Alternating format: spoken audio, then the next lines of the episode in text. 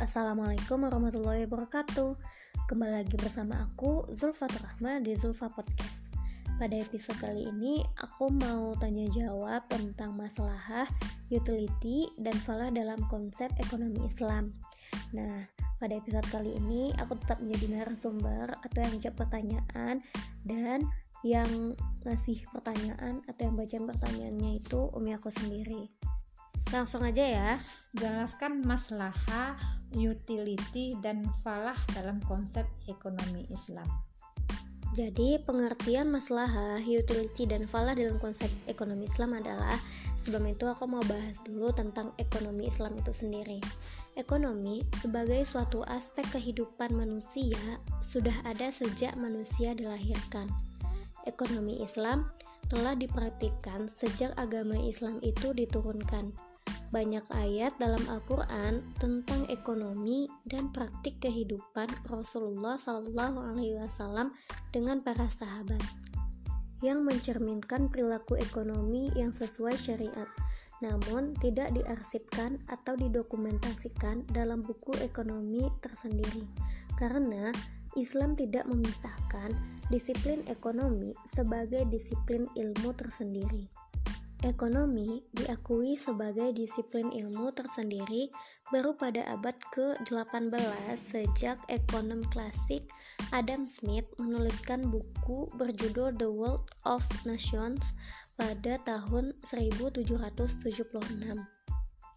Menurut Amar Kapra, ekonomi Islam adalah cabang pengetahuan yang bertujuan mewujudkan kesejahteraan manusia melalui alokasi dan distribusi sumber daya yang langka sesuai dengan ajaran Islam tanpa terlalu membatasi kebebasan individu, mewujudkan keseimbangan makroekonomi dan ekologi yang berkelanjutan. Pada intinya, ekonomi Islam adalah suatu cabang ilmu pengetahuan yang berupaya untuk memandang, menganalisis, dan akhirnya menyelesaikan permasalahan-permasalahan ekonomi dengan cara-cara sesuai dengan prinsip syariat Islam. Pengertian syariat adalah ajaran tentang hukum agama yang menetapkan peraturan hidup manusia dengan Allah Subhanahu wa taala.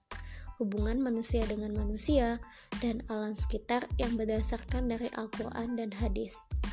Ekonomi Islam memiliki sifat dasar sebagai ekonomi robbani dan insani. Disebut ekonomi robbani karena syarat dengan arahan dan nilai ilahiyah. Lalu, dikatakan memiliki dasar sebagai ekonomi insani karena sistem ekonomi ini dilaksanakan dan ditujukan untuk kemakmuran manusia. Dan pada dasarnya, tujuan hidup setiap manusia yaitu menginginkan kebahagiaan dunia dan akhirat. Namun, dalam kenyataan, dalam keseharian, kita kebahagiaan itu cukup sulit meraihnya karena tidak seimbangnya sumber daya dengan aspek kehidupan atau kebutuhan hidup untuk mencapai kebahagiaan tersebut. Aspek kehidupan yang diharapkan dapat membawa dia ke tujuannya, di antaranya yaitu masalah ekonomi.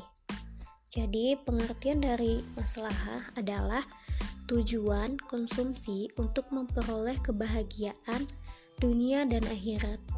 Maka, dari itu, tujuan konsumsi seorang muslim bukanlah mencari utility saja, melainkan juga mencari masalah. Konsep utility atau kepuasan sangat berbeda dengan konsep masalah atau kemanfaatan yang menjadi tujuan dalam konsumsi yang Islam. Konsep utility bersifat sangat subjek karena bertolak dari pemenuhan kebutuhan yang memang bersifat subjek. Sementara itu, konsep masalah relatif lebih objektif karena bertolak dari pemenuhan keinginan yang memang relatif lebih objektif dibandingkan kebutuhan.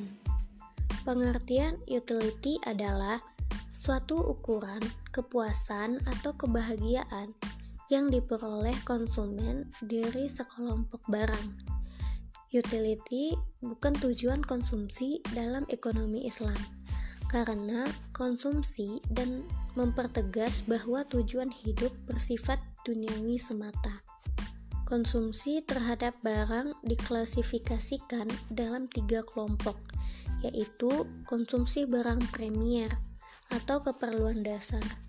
Yang kedua, konsumsi barang sekunder, yaitu kenyamanan dan konsumsi barang tersier atau kemewahan. Sedangkan dalam bahasa ekonomi Islam, tingkatan konsumsi terhadap barang-barang ini biasanya diistilahkan dengan barang-barang yang bersifat daruriyat, tahsiniyat, dan hajiyat. Konsumsi barang daruriyat merujuk kepada barang-barang yang kelangkaannya akan menyebabkan seseorang mendapat kesulitan, bahkan bisa menghilangkan keselamatan jiwa, agama, akal, keturunan, serta harta. Konsumsi barang tahsiniyat adalah barang yang menggunanya bukan untuk kenyamanan, melainkan untuk bermewah-mewah. Konsumsi barang hajiat adalah barang-barang yang ketersediaannya akan menyebabkan hidup seseorang menjadi lebih nyaman dan sempurna. Jadi, perbedaan mendasar antara utility dan masalah ini yaitu yang pertama, masalah relatif lebih objektif karena bertolak dari pemenuhan keinginan. Sementara utilitas, orang mendasarkan pada kriteria yang bersifat subjektif, karenanya dapat berbeda di antara satu orang dengan orang lain. Yang kedua, masalah individual akan relatif konsisten dengan masalah sosial. Sementara utilitas individu sangat mungkin berseberangan dengan utilitas sosial.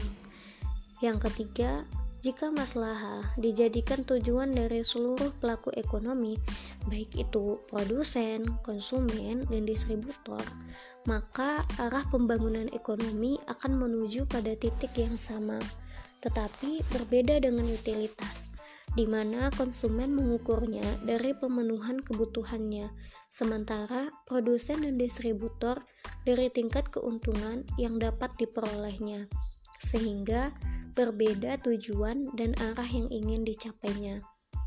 Yang keempat, atau yang terakhir, maslahah merupakan konsep yang lebih terukur dan dapat diperbandingkan sehingga lebih mudah disusun prioritas dan pertahapan dalam pemenuhannya.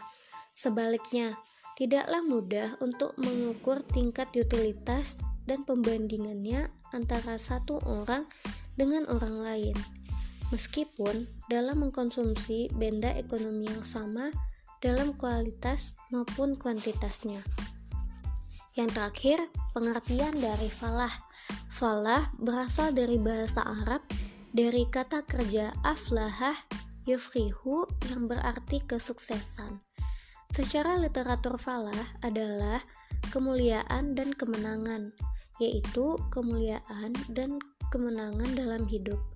Menurut Islam, falah dapat diartikan sebagai keberuntungan di dunia dan di akhirat.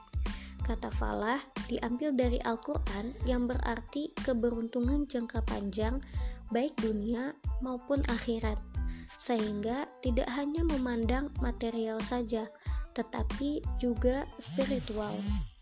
Setiap manusia memiliki pandangan yang berbeda mengenai penyebab maupun sumber terjadinya kebahagiaan.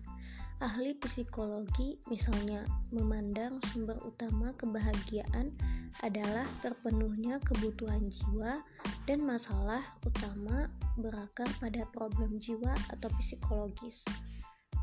Ahli politik memandang sumber kebahagiaan adalah eksistensi diri terhadap lingkungan dan aspek politik dipandang sebagai penyebab utama masalah hidup. Ahli ekonomi memandang bahwa pemenuhan kebutuhan material merupakan sarana untuk kehidupan, sehingga kebahagiaan bisa dimaknai dengan kecukupan terhadap materi.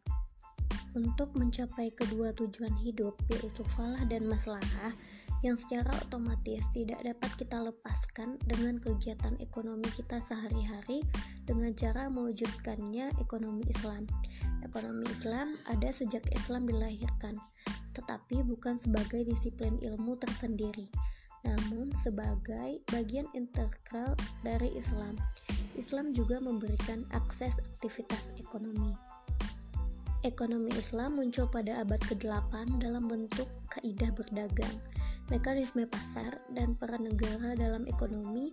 Namun, sejatinya pemikiran ekonomi Islam ini muncul pada abad ke-20. Para ekonom muslim mendefinisikan ekonomi Islam merupakan ilmu pengetahuan yang berperan untuk memandang, menganalisis, dan menyelesaikan masalah-masalah ekonomi dengan cara Islami yaitu dengan cara yang berdasarkan Al-Quran dan Sunnah Nabi. Ekonomi Islam dapat juga didefinisikan sebagai ilmu untuk mempelajari upaya manusia dalam mencapai falah dengan cara membumikan ekonomi Islam.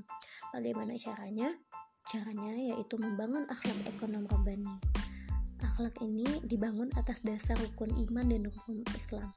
Semakin tinggi keimanan seseorang, maka akan semakin baik moralitas orang tersebut. Dan sebaliknya, semakin rendah iman maka akan memberikan efek yang jelek atas perbuatannya. Cukup sekian, semoga bermanfaat dan sampai jumpa pada episode selanjutnya.